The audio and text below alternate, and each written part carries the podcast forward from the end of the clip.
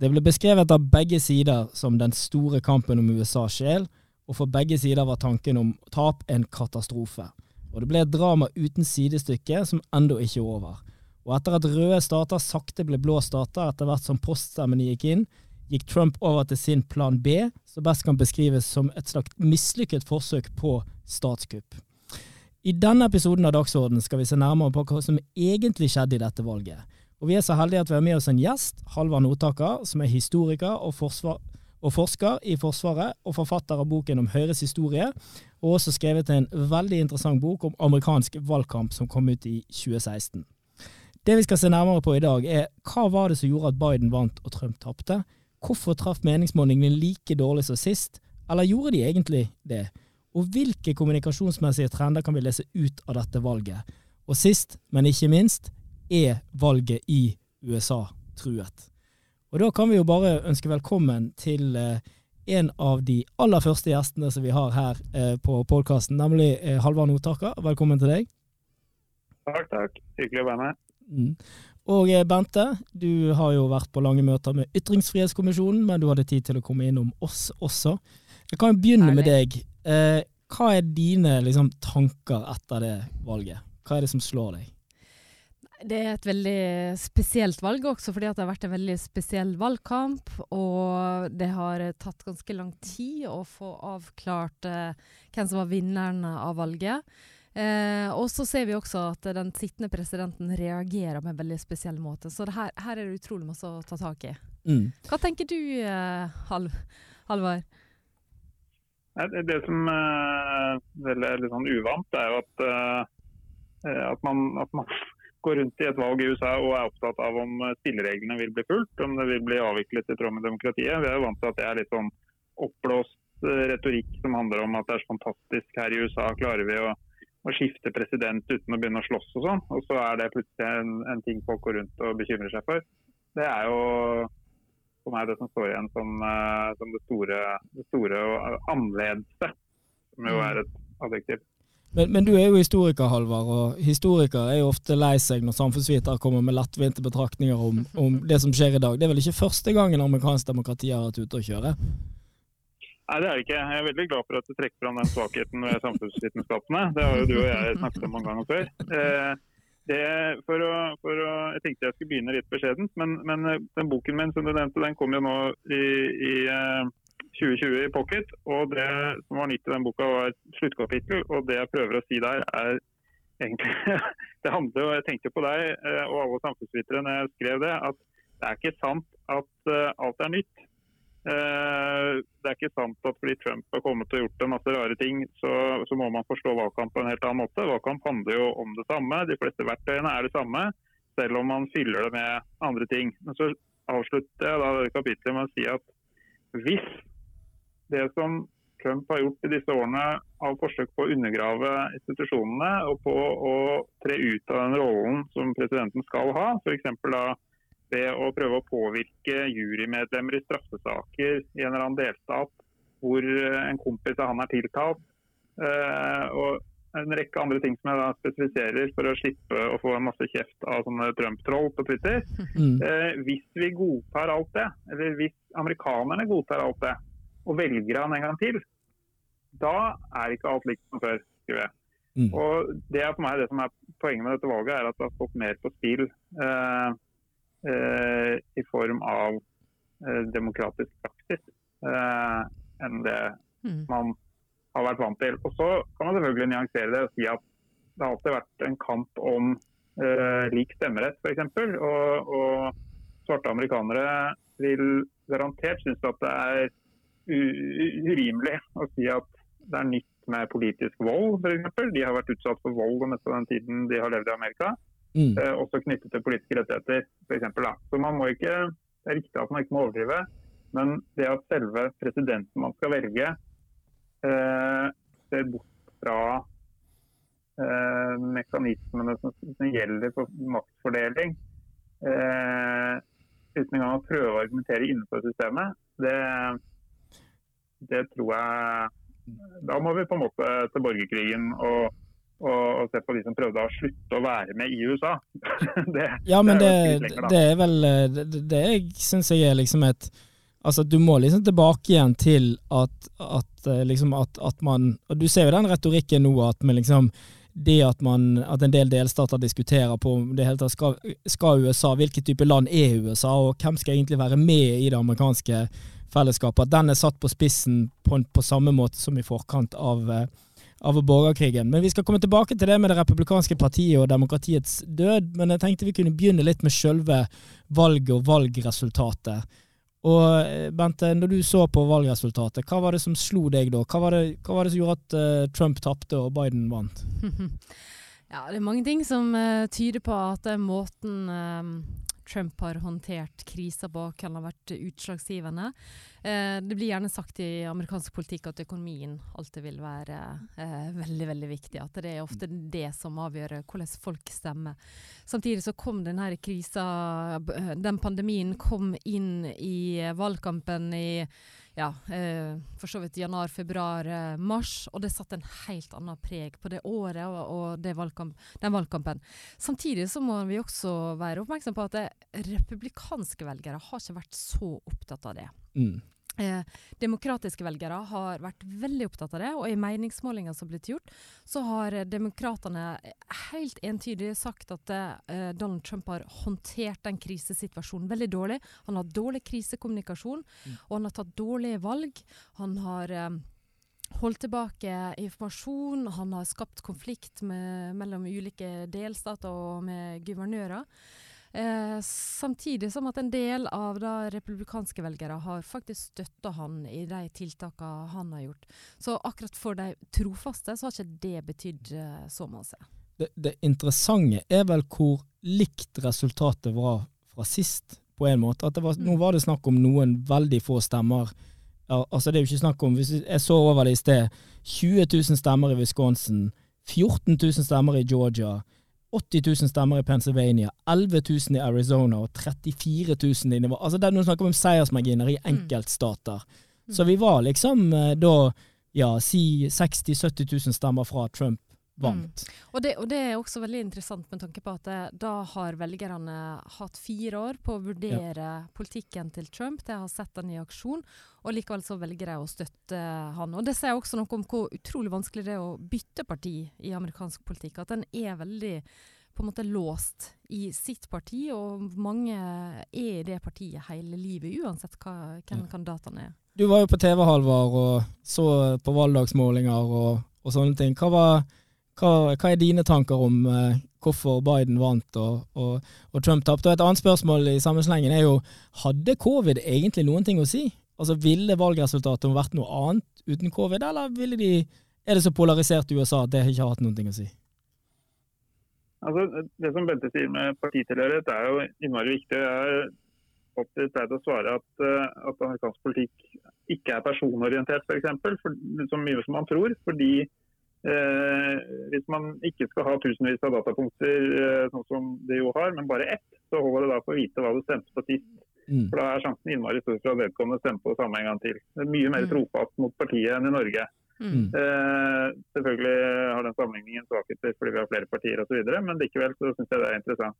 Og så, og så, kan man da diskutere hvordan det kan ha seg når eh, særlig republikanske partier har forandret seg såpass mye uh, i løpet av den tiden. Om de, om de da er trofaste mot det samme, eller, eller, om det har noe med deres egen identitet å gjøre. og sånn.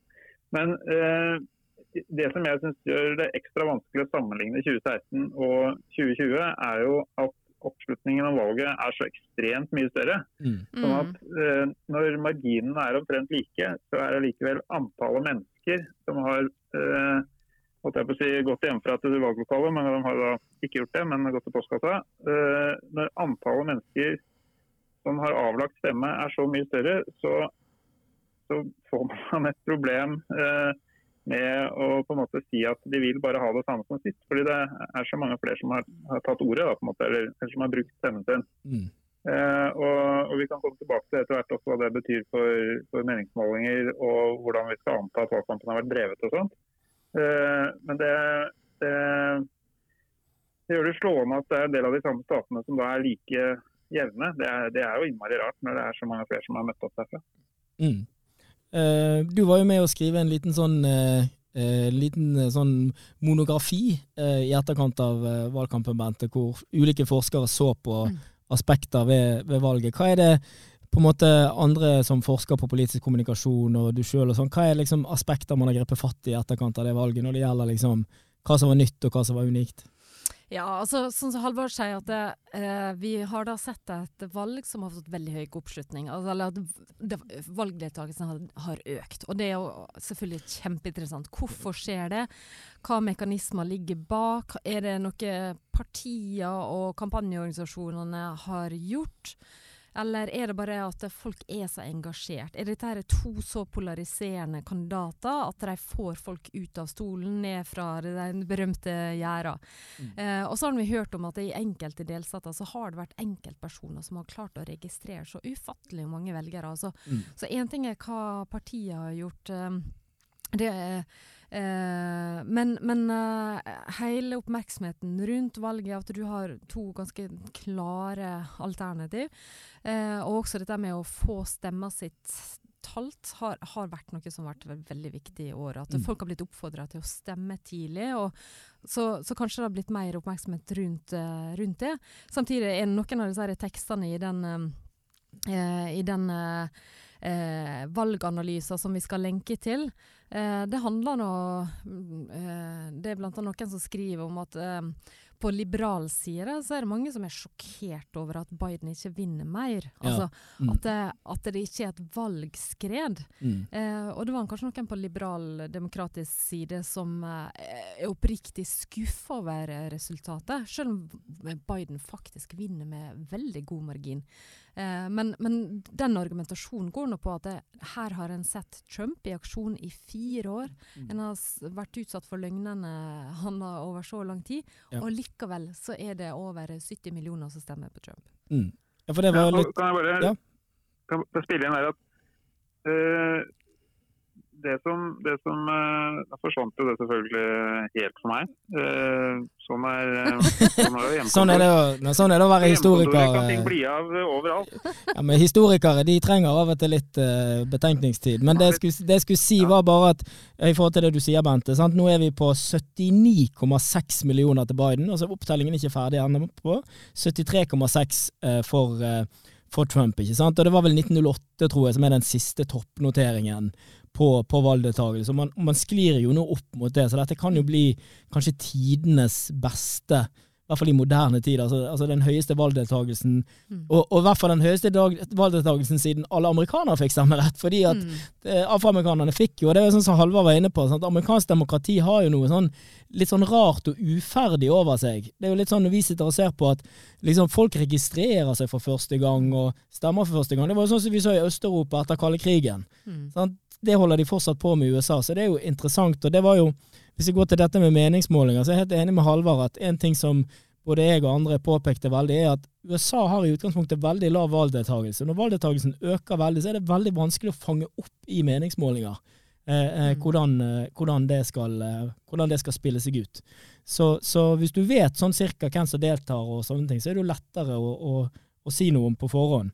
Men det leder meg jo til den andre tingen, er jo nemlig at men skal jeg, skal, jeg, jeg, skal jeg ta det som jeg glemte? For at, ja, uh, jeg har jo skrevet opp, jeg har skrevet opp rett foran meg uh, hva jeg skulle si. Ja, flott, Alvar. Det står, Vær så god. Det står, referen, står referendum. Altså, ja. det, med, det, handler om det med motivasjon og ja. hvordan det kan være så mange som blir motivert osv. Og, så og som ikke har stemt før. For det er jo ikke sånn at Biden i seg selv på den måten Hillary Clinton var det, er en kandidat som, som provoserer de store massene eh, blant eh, i Trump-land. Eh, sånn som eh, Hillary Clinton av forskjellige grunner lot til å gjøre. Eh, men det sjeldne synes jeg i denne valgkampen, ikke enestående, men litt uvanlig, det er jo at den sittende presidenten eh, i en krisetid for nasjonen ikke har klart å gjøre valgkampen først og fremst til å eh, handle om frykt for å skifte i en urolig mm. tid. Mm. Det gjorde Bush i 2004, hvor han eh, pratet eh, til man kunne svime helt av om dette med å ikke skifte hest midt i Mm. mens man er, holder på å krysse elva og sånn. Og det, det er på en måte en, en sånn fast modell for å drive valgkamp i USA. Det er og for så vidt i Norge Og også, stø kurs med Gro. Sånn at det med å skape uro for det ukjente, eh, det har jo ikke, har ikke Trump fått helt til. Han har antageligvis fått det til eh, i lommer her og der og fått en uro omkring Biden. Men som den store fortellingen eh, som, som på en måte dominerer i, massemediene og som dominerer på en måte nasjonale dagsorden, det har jo vært hele tiden en folkeavstemning for eller mot Trump. Mm. Og fordi han engasjerer mye mer enn Biden, så har det antageligvis også vært mye mer egnet til å få opp valgdeltakelsen. Mm. For eller mot Biden er på en måte ikke noe folk vil bruke livene sine på, men for eller mot Trump det kan fremstå som livskritisk både for de som eh, tror på han og eh, de som for enhver pris vil ha han vekk. Så det tror jeg på en måte er et sånn overordnet perspektiv som er ikke spesielt eh, avansert, men som jeg tror har ganske stor forklaringskraft. Mm. Eh, men det leder oss videre til eh, Altså, dette var jo ikke bare et presidentvalg, det jo, var jo senatsvalg, det var valg til Kongressen, og der gjorde jo republikanerne det veldig bra. De tok tilbake en del seter i Kongressen. Nå er det jo to omvalg, altså det er omvalg på to seter til Senatet i Georgia, og altså, demokratene må vinne begge. Eh, viser jo ikke dette at og, og mange steder så gjorde jo republikanerne som parti det bedre enn Trump. Så viser ikke dette at USA er jo grunnleggende sett et litt sånn sentrum-høyreland. Og det kommer de kanskje alltid til. Altså min, min sånn teori om USA er at det er et sentrum-høyreland, sånn dypest sett. Og at det er veldig vanskelig for den andre siden å vinne noe sånn varig overtak. Hva, hva, tenker dere to, eh, hva tenker dere to om det? Jeg Jeg kan godt være litt uenig Ja, når Bente er ferdig. så vil Ja, jeg være nei, litt, kan jeg være uenig. Ja, bind. Jo, uh, uh, altså uh, Det er et sentrum-høyreland gitt det valgsystemet de har. Ja. Eh, fordi alle de delstatene som favoriseres av eh, den premien små befolkningsmessig små delstater får ved at alle har to senatorer, den, eh, den går på en måte utelukkende til det republikanske partiet. Ikke utelukkende, men så å si. Hvis man ser på, hvis man har kartet foran seg, så, så er det rødt i, i spredtbygde strøk. Eh, og rødt for det republikanske partiet, da. Eh, og hvis man eh, stemte bare etter folkeflertallet, at det hadde mer å si, så ville selvfølgelig eh, da ville demokratene ha gjort det bedre. Det er bare å se på stemmeavstillingen etter et presidentvalget, hvor, hvor Biden nå eh, leder med seks millioner stemmer. Eh, da hadde jo ikke vært noe å lure på. ikke sant? Sånn at eh, Det er det ene som jeg mener eh, holder på et sånt inntrykk av et sentrum-høyreland, som, som kunne ha forandret seg hvis de store byene fikk eh, den tyngden de har befolkningsmessig. Eh, og, og det andre er på en måte hele tregheten i føderalismen. Eh, altså at det er vanskelig å få til store reformer fordi de krever så bred oppslutning. Eh, det favoriserer, seg, favoriserer jo i seg selv en konservativ holdning. Det er, det er strukturert sånn at det skal være vanskelig å endre ting eh, stort og dypt. Eh, og Det gjør på en måte også at man får forsterket det inntrykket, kanskje. Og så er det selvfølgelig Målt mot Norge er det selvfølgelig uh, sentrum-høyre. Men eh, jeg mener at det er litt for lett å si det ofte om, om USA som, som kultur. Når det kanskje egentlig først og fremst er sant i form av politisk representasjon. mm. Jeg vil, bare slenge på et par ting eh, angående altså hva som er motsatsen til sentrum-høyreland. Um, i, altså Bernie Sanders han uh, har nå for mange representert et alternativt. Mm. Men det han står for, får han også en del sånn, litt sånn merkelige merkelapper. Alt fra kommunisme til uh, sosialisme, eller sos, uh, hva de kaller det, demokratisk sosialisme. Altså det er en del begrep som for oss blir litt uh, rare, for at en finner ikke helt denne her mer sånn sentrum-venstre-posisjon da, Mm. på, eh, på blant de alternativene. Så eh, jeg tenker at det handler liksom om å kunne klare å forklare, og det tenker jeg at det blir en viktig jobb for Joe Biden å klare å forklare hva er dette her, eh, demokratiske prosjektet som han nå skal eh, utvikle, uten at en, en kaller det kommunisme eller sosialisme, for det, det er det da ikke. Eh, og, og, det å kunne lage en mer sentrumsvariant av Mm. det politiske Mm. prosjektet. Nei, men jeg tror eh, det dere begge peker på Det er hyggelig å høre Halvard snakke som en, som en statsviter. fordi at Poenget er jo nettopp, som han sier, at valgsystemet i USA favoriserer ekstremt eh, republikanerne, sånn disse velgerne er sammensatt nå. Det gjelder både kongressvalg, og det får de også muligheten nå til å styre det de kaller gerrymandering, altså når de skal, de skal tegne opp kongressdistriktene på nytt. Så på samme måte som republikanerne nå vinner med fire-fem kanskje opp mot 6% på landsbasis, så sliter de likevel med å vinne presidentvalg. Og I Kongressen vil jo det være det samme, at de, selv om de på nasjonalt nivå leder ofte med 6-7% så er ikke det nok. Altså I dette valget her taper de seter i Kongressen, og det har jo med og det er en del statsvitere som har kalt dette for et slags minoritetstyranni. Mm. Ikke sant? Altså Nå har de 6-3 i høyest... Altså, de vinner jo. Republikanerne vinner seter, de vinner posisjoner, og nå har Mitch McConnell bestemt seg for at han skal utnevne så mange som mulig. Sant? Og de liksom fyller opp rettsvesenet og sånne ting. Så det er klart at hvis du tenker på demokratisk utvikling, så er jo dette farlig òg fordi at du kan få en sånn, sånn som vi ser litt på Twitter og sånn blant demokrater, at dette systemet fungerer ikke for oss. Sant? Vi er det egentlige Mm. eh, flertallet. Jeg vet ikke hva du tenker om det, Halvard. At liksom den antidemokratiske liksom sånn, Dette systemet funker ikke. At den også kan begynne å spre seg på demokratisk side. Jeg, jeg, tror det er, eh, jeg tror det er riktig. Det er, altså, man risikerer en sånn legitimitetskrise for institusjonene. Og, og det, med, det med valgsystemets eh, Eller egentlig innretningen av Kongressen da, og delingen i to kamre. eh, Den, I og med at det er Senatet som har makten eh, over godkjenning av dommere, Mm.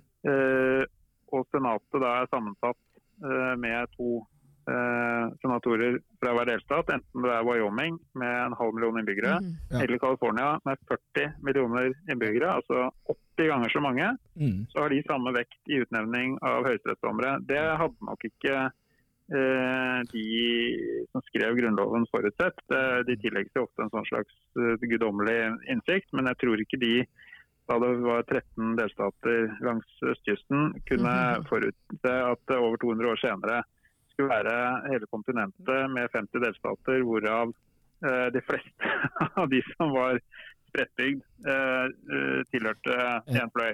Jeg pleier å si at, at, at USA? Så, så, ja, Valgsystemet i USA er jo Senterpartiets våte drøm. Sånn, Dette er jo drømmelandet. Det er jo Ja, hvis Senterpartiet, i hvert fall hvis Senterpartiet fikk da alle de, de spredtbygde valgkretsene. Så, Ja. sånn at, men det med rettssystemet, der er det spesielt skjevt. Og Mm. det gjør jo at hvis det, nå, hvis det nå vil bli en mye mer konservativ høyesterett fordi Kavanaugh f.eks. kommer på vippen, mm, så, så tror jeg at eh, det vil bli mer reelle de kravene om å reformere Høyesterett. Og Biden gikk jo inn på det, eh, riktignok litt under press for å si noe, men han gikk jo inn på det før valget ved å si at han oppretter en kommisjon som skal Ja. se på hvordan man gjør med Høyesterett. Da kan man jo tenke seg alle mulige slags reformer om, om å eh, ha en form for begrensning på hvor lenge man skal sitte, eller Mm. eh, antallet. Altså, det er mange måter å, Mm. å gjøre det mindre vesentlig med hver enkelt dommerutnevnelse. Mm. Eh, uten at man nødvendigvis må endre på hele mekanikken i det. Men eh, sånn, altså, det er jo noe av det jeg syns er mest ubehagelig med alt dette. En ting er at det er ubehagelig at folk godtar den måten Trump eh, praktiserer embetet sitt på, men eh, det, er, det er ubehagelig å se at eh, sjansen er ganske stor for at folk ikke lenger vil synes at selve institusjonene eh, holder mål. mm, Eh, da, da kan liksom mer begynne å rakne, da, hvis man, Mm. hvis man, man ikke tror på dem lenger. Det, Det, det tradisjonelle er jo sånn, denne filmen 'Mr. Smith Goes to Washington', som liksom Ja. er det klassiske eksempelet fra 1940 mm, hvor det kommer da med liksom rakryggede mannen inn og, og skal ordne opp. eh, og Det er et sånn kjent motiv i amerikansk politikk helt til Trump med 'drain the swamp'. Mm. Så Problemet er ikke institusjonene, problemet er ikke Grunnloven. Problemet er at det er korrumperte mennesker som må jages ut, og så må de rene eh, og ranke komme inn igjen. Sånn er det Mm. alle valgkamper. Man begynner på nytt. eh, klassisk amerikansk tema. mm. Det er noe annet hvis man tror at systemet er feil. Ja, men jeg tror du har, jeg tror du har veldig rett i det at, at jeg skrev en gang at problemet i USA er ikke dumme mennesker, men dumme politiske institusjoner som belønner folk for å gjøre dumme ting.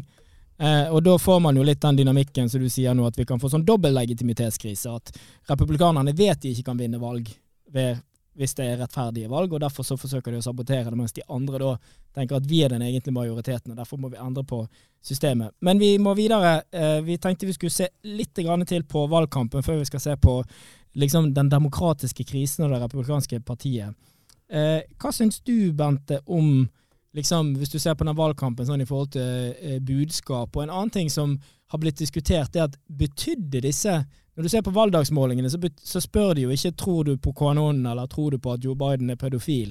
Men, men er det noe i disse altså sånn, Vet vi noe om motivasjonen til mange av disse Trump-velgerne? For det slår deg ofte når du ser intervjuer på TV at det er mye rart ute der nå.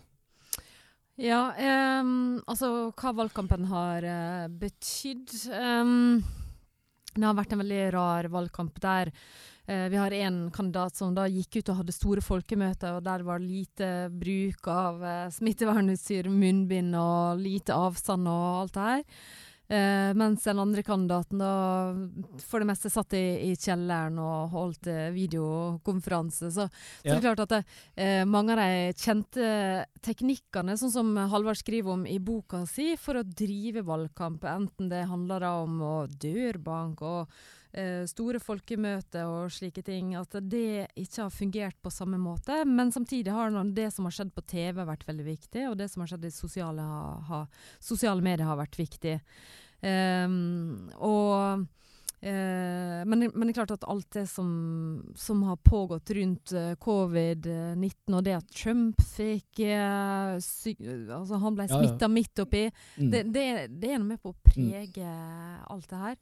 Mm. Um, så ja. Så vi, vi har nå vært utsatt for massevis av rykte- og konspirasjonsteorier, særlig i forbindelse med covid-19, og hvordan dette har blitt mm. politisert. da.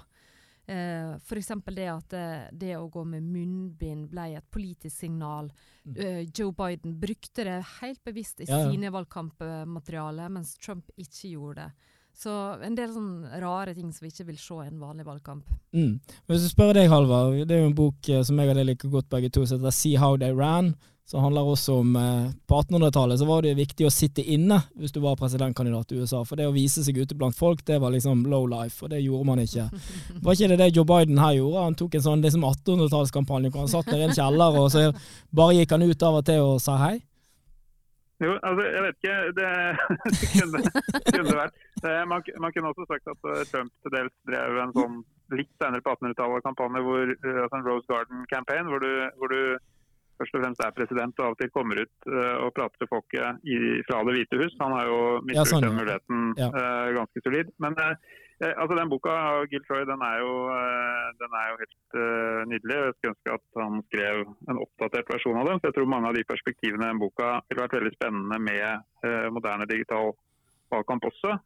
siden den jo hele tiden, alt, alt i boka handler om dette med Eh, frykten for å bli ansett som en masete fyr som eh, er litt for oppsatt på å få makt, altså en som går ut blant folk og, og gnåler. Eh, og frykten for at kandidaten man velger skal være en som skjuler noe, altså en som holder seg unna folk og ikke vil prate med dem. Og så mm. har den balansen og idealene rundt det forandret seg fra uh, slutten av 1700-tallet uh, til 90-tallet da den boka kom. Men selvfølgelig fortsatt å forandre seg. og Der, der er jo det med, med Biden, hvis vi skal bruke den det perspektivet der, så er den måten Biden har uh, prøvd å unngå å fremstå som at han gjemmer seg, det er jo å være i direkte kontakt med mennesker eh, på Zoom og Teams og sånn. Mm. Eh, for da må de jo svare og stå til rette. Men, men, der var jo han en periode, tror jeg, i fare for å fremstå som at de gjemte ham bort, og at denne fortellingen om at han var senil, som jo mm. eh, fikk eh, feste langt inn i en del norske redaksjoner til og med, Mm. Den begynte nok å bli farlig på et tidspunkt, og da var han mer fysisk ute blant folk. Selv om du som, selvfølgelig eh, Ting er jo like iscenesatt uh, i en kampanje, enten det er en videosamtale eller en reell samtale. Så, så, men det er det samme, den samme dynamikken som er i spill. Men, men, til det med utviklingen av selve valgkampen, så sitter jeg nå har foran meg uh, gjennomsnittsmålingene på Fire 38 uh, fra mm fra våren 2020. Mm. Og, og, de er jo helt usedvanlig stabile. Altså, ja. Det pleier å være my mye mer knekk og opp og ned i de kurvene. Mm. Men eh, variasjonene har vært veldig små. og Da kan man se på det på to måter. Det ene er at dette med at valget er en folkeavstemning om Trump, at det er få som ikke uh, innen 2020 har greid å finne ut om de vil ha mer av han eller ikke. Mm. Uh, det er liksom en enkel forklaring. Men en annen er jo at uh, det som vi var inne på enda litt før, om valgdeltakelsen, at, at man ikke har fanget opp nok en økning i de som er interessert i å gå og stemme. Og der, der, der er jeg nysgjerrig på Det vil egentlig spørre eh, Ketil, om, om hva, hva, du mener at mikrotargeting eh, har hatt å si der. For det var noen utslag enkelt, i enkeltvalgkretser hvor eh, økningen i valgdeltakelse var helt, altså helt hinsides. I, i Miami-Dade eh, County, altså i mm. Florida, mm hvor jo Trump gjorde det bedre enn eh, mange ventet, i hvert fall. Mm. Eh, hvor Biden Det var et, et stort fylke da, hvor det er over en million som går og stemmer. Eh, der fikk Biden nesten nøyaktig like mange stemmer som Hillary Clinton. Han fikk 8000 eh, stemmer færre. Mm. Eh, eh, det, er, det, er ofte, da, det, er, mange som har forklart det med nettopp dette som Bente sa, at man ikke banka på dørene og sånn. Mm. Trump fikk 200 000 nye stemmer. Altså mm. Biden fikk like mange som Hillary Clinton, ca. Trump, samme kandidaten, økte fra 330 000 ca. til 530 000 ca. Mm. Så man har klart da å fiske inn 200 000 nye velgere. Det er jo en opp, oppgang i hans eh, liksom, Tallene hans økte med 60% altså ikke 60% som andel av uh, resultatene av totalen, men at hans uh, vekst var så mm. stor. Det, det er Eh, det har vært gøy å se en tabell eh, over alle fylkene og mm. gjennom flere valg, og se hvor ofte det har skjedd at noen har klart noe sånt. Mm.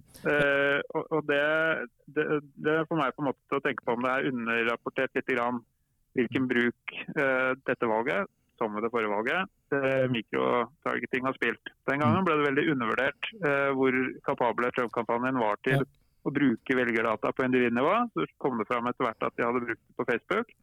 eller det kom i hvert fall fram mer. Eh, ved dette valget så er det sånn som det alltid er. Da går journalistene til de samme forklaringene her, og, og aktivistene som syns de har fått for lite penger til sitt dørbankprogram lokalt og sånn. Da sier de ja, hvis vi bare hadde fått gå mer bank på dørene. Mm. Det kjøper ikke jeg. Fordi Hvis du bare hadde fått lov å gjøre det du alltid gjør, så hadde ikke uh, 200 000 nye velgere mm. dukka opp plutselig. Mm. Her er det på en måte noe Så her har det må, Eneste forklaring jeg finner, er at det har vært en ekstremt effektiv bruk av velgerdata Eh, og hvor de da antagelig har kunnet bruke bl.a. Eh, denne retorikken om mm. eh, sosialisme og, mm. og Venezuela og sånt, som, som, av og til virka litt rart som del av den store nasjonale kommunikasjonen. De fleste syns bare det høres fjernt ut. Biden er en rimelig mann, på en måte. Mm. mm. Men her, her, gir det mening. Så med litt tålmodighet så tror jeg på en måte at man vil bli litt uh, klokere på det der. Men, men mm. Hva tror du om det? det før jeg, før jeg liksom sier at jeg har fått valget forklart. Ja da, mm. men eh, altså Florida, interessant. Biden-kampanjen sa jo lenge at de tror ikke dette går noe bra. Eh, det var masse rapporter om at eh, cubanerne og, en del spansk-amerikanske mm. grupper var på vei back.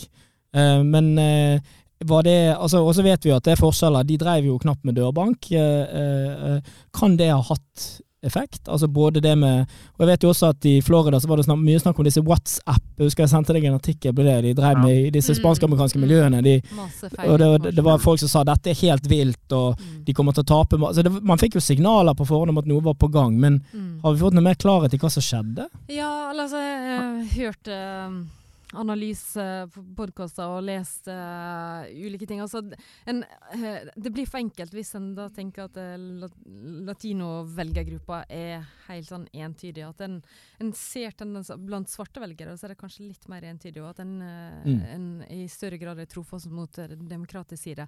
Sånn virker det som det ikke er på latino blant latinovelgerne. Mm. Eh, og kanskje særlig dette budskap, eller trusselen om sosialisme, kommunisme og sammenligninger da, til, mm. Eh, til de landene som de da flykta fra. At det, det, virker som at det har gått ganske godt, uh, mm. godt gjennom. Mm. Og så, som, som, du nevnte, Ketil, altså dette her med spredning av uh, konspirasjonsteorier og feilinformasjon. Det var noe som vi leste om på forhånd. Vi leste ja, om dette her i september-oktober. Eh, at det var ganske utbredt, og særlig mer sånn lukka kanaler, sånn som WhatsApp. Så, så ja, hvor stor uh, rolle det har spilt, det vet jeg ikke ennå. Men uh, um, det, det, kan tyde på at uh, den velgergruppa har vært mer i bevegelse, ja. Mm. Interessant også dette, det var mange som var inne på det her, at Biden økte jo blant hvite velgere. det var det som gjorde at han gikk over streken, for å si det mm. sånn. Tapte litt blant spanske amerikanere og litt blant afroamerikanere. Men så vi husker også, sånn som Halvard sier, at valgdeltakelsen økte jo. Så det var jo flere svarte velgere totalt. Sett jo i Georgia og, og, i en del delstater, Arizona blant annet, så var det spansk-amerikanske velgere som var så avgjørende. Så det er liksom aldri sånn når du deler, Jeg tenker når du deler en befolkning, så stor befolkning i to like store grupper, så vil du alltid få motsettende trender innenfor mm. hver enkelt av de gruppene. Men jeg tenkte vi skulle gå litt eh, videre. Eh, skal, dere skal få to spørsmål til. Det første er OK, nå har vi sett det valget her. Hva 2024 blir det nå liksom fire år med, med skyggepresident Trump og hans og Rudy og, og co.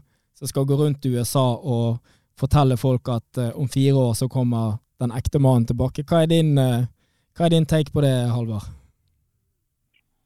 Det er jo alltid sånn etter et valg at den som har tapt, selv om det er en taper, så er det på en måte det nærmeste et parti har en leder. Og alle meningsmålinger, hvem skal stille neste gang, vil ha den kandidaten øverst. og sånn. Så, det er, det er Foreløpig er det litt tidlig å vite om eh, når Biden tiltrer og det ikke er, eh, ikke er Trump som er president lenger, om han som alle andre tapende presidenter foran ham, vi si, selv om det var en på 1800-tallet som greide å komme inn igjen, eh, vil fremstå på en måte som gårsdagens mann. Han kommer til å bli eldre. Mm. Eh, det, det, er mange andre i partiet som vil opp og fram, og som nok ikke har tenkt å, å, å vente til 2028. Liksom. Sånn at, eh, jeg tror vi på en måte må være litt tålmodige og se hvordan denne dynamikken spiller seg ut.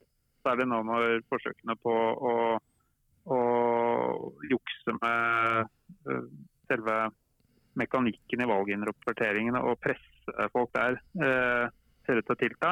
Så, så, det er liksom Det er helt sikkert det Trump vil, men eh, det er ikke Selv om det nei, republikanske partiet har uh, godtatt utrolig mye det han har gjort, mm. så tror jeg det vil forandre seg når han ikke er president lenger. Det betyr ikke mm. at han ikke greier det, men det kommer til å bli litt mer bråkete, tror jeg. Mm. Men jeg tenker, Bente, Trump sier jo til så på CNN i går og Da sier de jo det at eh, medarbeidere forsøker å snakke med Trump om at kanskje det er på tide å gi seg, og sånn, så sier han hele tiden 'jeg har 70 millioner mennesker i ryggen'. Og så avslutter han debatten med det. Og Det er kanskje litt av paradokset her at republikanske partier har jo virket helt maktesløs, nettopp fordi at velgerne føler det, det, er Trump som er deres mann, og det er han de føler tilknytning til. Men hva tror du nå, liksom nå når ja, mot 2024 og, og, og, og sånn kommer liksom Er det fortsatt Trumps parti, og er det hans velgere, eller kommer det til å skje noe rundt den dynamikken, tror du? Ja, altså Hvis jeg går litt over til altså, de, han som faktisk skal bli president, Joe, Joe Biden og, og, Camilla Harris, så øh, øh, har de ført en kampanje der de har prøvd å differensiere seg ved å spille på verdier, ved å spille på anstendighet, ved å skulle være noe annet enn det Trump er. Eh, og jeg, jeg, tror nok vi kommer til å se veldig masse støy og bråk rundt uh, Trump i, uh, i tida framover, men selvfølgelig det kommer til å bli dempa og på en annen måte enn når han sitter da i presidentstolen. Eh, og så er det et enormt arbeid som gjenstår for Joe Biden. altså Det første vi har hørt at han har satt i gang med, det er hvordan skal han håndtere en forferdelig covid-19-pandemien, mm. eh, som er veldig ødeleggende for, for USA. Eh, så det blir noe, noe av det, det, første som vi kan eh, regne med vi, vi ser noe på det området. Eh, samtidig, altså fordi at jeg er spesielt opptatt av medienes rolle i dette her, så ser vi at mediene også Jeg tror vi kan forvente at mediene kommer til å forholde seg til Trump på en annen måte. Um, mediene har hatt veldig problemer med å håndtere en uh, president som uh, blir tatt i løgn kontinuerlig.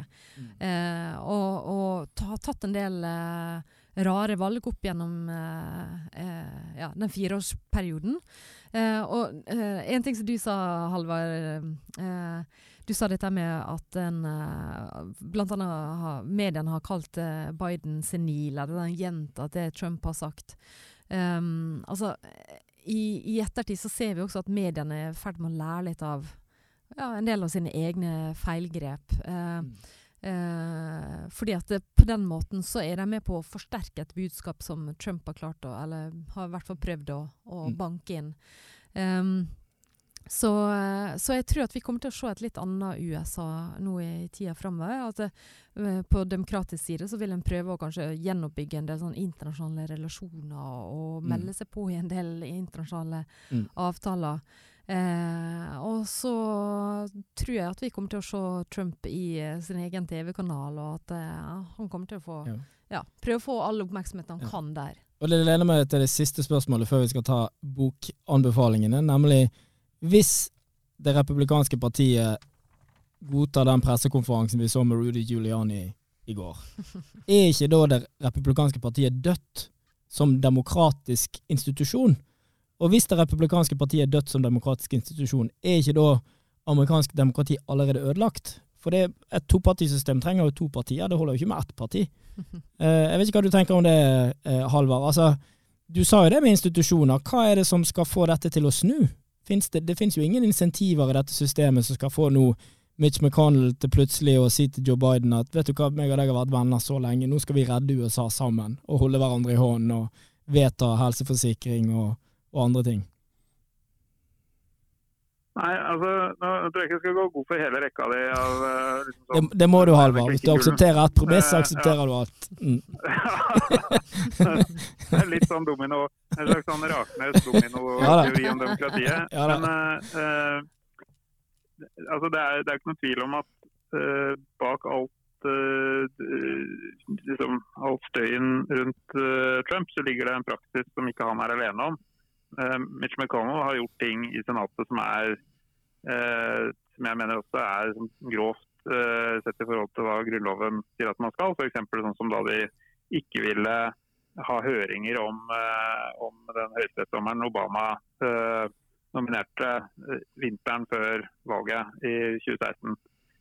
Mary Garland. Og så da sant, nå kjørte gjennom en dommer men etter at stemmegivningen var begynt i høst.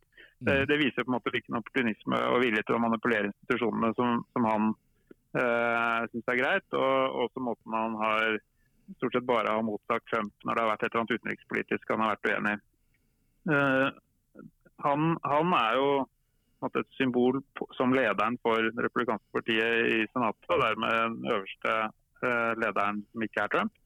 Eh, hans oppførsel er et signal om hva folk i en bredere sammenheng vil godta. Og Nå er han jo blitt gjenvalgt, ja, så nå har han jo seks år på seg. som jo er mm. eh, man kan, eh, Hvis han skal ta gjenvalget igjen, da, så trenger han ikke å tenke på Trump like konkret da. Så, så da ville jo jeg på en måte hvis jeg skulle være optimistisk, så ville jeg tenkt nå, nå kan han blåse de folka der. I Kentucky så står altså alt i Appalachia er pro Trump, så han kunne ikke ha lagt seg ut med Trump og vil bli gjenvalgt, kanskje. Mm. Men hvis han nå fortsetter å kjøre på som han har gjort, så, så med dommere f.eks. å gjøre ting nå eh, i den lame duck-perioden, som man sier, så ryker kanskje det eh, hoppet. Eh, så, så, må man da prøve igjen å huske på det vi, der vi begynte litt med at eh, mye av det vi er engstelige for nå for USA som helhet, det har befolkningsgrupper i USA levd med i mange tiår og til og med tresifra antall år. Det har vært sånn at det amerikanske demokratiet ikke har, klart å hanskes med at uh, sørstatene fortsatte å praktisere raseskille etter borgerkrigen, hvor det i prinsippet skulle vært avgjort. Uh, det må man også si at var en demokratisk krise, på en måte, selv om det aldri toppet seg fordi systemet var undertrykkende nok til at de ikke slapp til. Da, på en måte. Mm. Man aksepterte at i en stor region av landet så kunne ikke svarte mennesker gå og stemme. og det var ikke noe særlig straff for å, å, å henge dem uh, i et slags sånn borgervern. Uh, hvis institusjonene godtar det, så, og partiene ikke reiser seg mot det, så, så har man vel liksom ikke vært helt uh, på rett kjøl da heller. Og Så skjedde det da i, i 60-årene f.eks. en omveltning i politikk i USA, også i partiene, som, som rokket ved det der, og som fikk skikk på noe av det. Hjulpet av sosiale bevegelser. Eh, for å si det forsiktig. Så i den amerikanske måten å innrette seg på, så ligger det et potensial for forandring i de partiene. Eh, partiene har eksistert i, i, over 150 år og har forandret seg veldig innenfra i den perioden. Mm. Jeg har mer tro på at de partiene eh, forandres innenfra, f.eks. ved at yngre generasjoner eh, som er mer liberalt innstilt f.eks. får mer makt. Eh, og, og, skubber ut en del av det røret som, som foregår nå. Ja. Men uh, det er jo ikke noe som kommer til å gå fort. Og det er jo ikke sånn at fordi Trump tapte, så slutter disse 70 millioner pluss å være mennesker som er villige til å godta uh, Trump. Det, det, er jo skummelt. Det er ikke noe, ikke noe optimistisk budskap. Ingen historikere har, nei, nei. Har det, det, var ikke derfor vi inviterte deg ikke for var, vi inviterte deg ikke for å spre ubegrunnet optimisme. Hva tror du, Bente? Blir det Det kommer til å gå dårlig en ja. god stund. Ja. Tror du blir det, blir det towards a more perfect union, eller blir det Ja. ja um, jeg, jeg, ja, Ja. Nei, jeg bare tenker at uh, det, den nye presidenten og visepresidenten har en uh, beintøff uh, jobb foran seg. Altså, uh, og vi skal snart komme Vi skal Kanskje jeg kan nevne litt sånn litteraturtips i sammenhengen mens jeg avslutter Gjør det. Ja, mitt, mitt Min anbefaling i dag, det er en nettrapport som nettopp har kommet ut, kom ut denne uka her, som heter US Election Analysis 2020. Media Voters and the Campaign. Og det er da 95 ulike internasjonale forskere som skriver om den amerikanske valgkampen. Og en, en, gjennomgående tråd i veldig mange av de analysene det handler om at uh, det er mange som er bekymra for USA. Mm. Og fordi at en ser at uh, institusjonene har ikke helt takla denne her uh, stresstesten som det 2020-valget har vært. Mm. Um, og, og, det å skulle klare å få USA, som, som er et land som mange har sett på som et forbilde, og eh, som har hatt en veldig viktig rolle i verden, at eh, det blir ekstremt eh, krevende. Så jeg vil bare anbefale den som er veldig interessert i temaet, til å, å kikke inn på de super, superkorte tekstene som er skrevet av akademikere. Det kom ut ti dager etter valget. Eh, og det, det, gir et sånn her eh, riss av historier, sånn som en sier til journalistikken. Ja, ja. Førsteutkast av historier, og tilsvarende med disse korte analysene. Mm. Eh, Halvard, hva leser de ute på, på eh, Forsvarets forskningsinstitutt for tiden? Ja, der vet jeg ikke hva de leser, for der jobber jeg ikke. På, det er på Institutt for forsvarsstudier? ja, det er, det er, jo en del av Forsvarets høgskole, så det er en høyskole. Forsvarets forskningsinstitutt. Det er masse ja. flinke folk, men det er et det er ikke noe med deg å gjøre. forskningsinstitutt. Men Nei, det, har du en anbefaling? Det, Kanskje ikke høres ut som jeg er en del av det militærindustrielle kompleks. Eh, jo, hvis jeg skal liksom koble det til det jeg driver med på Institutt for forsvarsstudier, så, så, så syns jeg fortsatt eh, at dette med data og mikromålretting er spennende. Og jeg er helt sikker på at det har vært viktig for Trumps vei til toppen. Og hvis man vil ha noe som er eh, ikke altfor sånn Uh, altfor ikke akademiske briller for noe som, som, vi tre og fire andre uh, syns er gøy. Så vil jeg anbefale en bok som eh, Ketil anbefalte meg en gang. Uh, Sasha Isenberg, 'The Victory Lab'. Mm. Som handler om uh, som er en slags fortelling om hvordan data om enkeltpersoner har vært sydd sammen til analyse som har formet hvordan man snakker med folk, og det er, hva som er på innsiden av maskinen så er det selvfølgelig som alle sånne bøker. Den tillegger all vekt til det den skriver om selv. Men det kan man jo bare utstyre seg med en slags sånn liten advarsel mm. selv, at dette er en bok om et tema. Men den, eh, den, er både bra for de som har litt, sånn, litt lyst til å forstå uh, store ting, og som gjerne samtidig er glad i, uh, i uh, fun facts. Mm. Hvorfor kjøpte den og den kampanjen masse reklameplass i Alabama? Mm. Uh, midt på natta samtidig med et stort dyreprogram? Jo, det var fordi over grensa i Florida så satt det 5000 mennesker og så på det hver kveld. Og de hadde masse fellestrekk som gjorde at de trengte akkurat samme budskapet for å gå og stemme. Ja. Uh, er, da får vi inn det snirklete som man ikke får i store meningsmålinger som teller alle på en gang. Og Det tror jeg kommer til å fortsette å være uh, det dominerende for all valgkampstrategi lenge framover.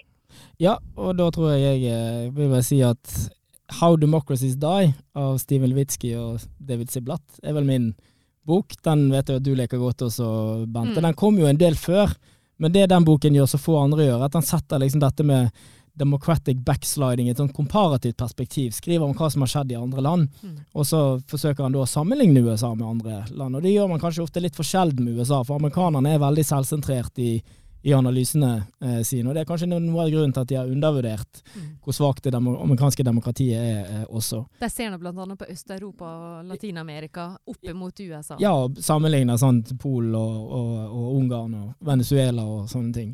Men med det har jo vi satt eh, ny rekord, i hvert fall i lengde, når det gjelder eh, eh, dagsorden. Vi takker Halvard veldig mye for at du eh, kom. Og så må vi heller si at dette tok litt ekstra tid, fordi temaet var så viktig Mm. denne gangen. Takk skal dere ha. Takk for nå. Takk.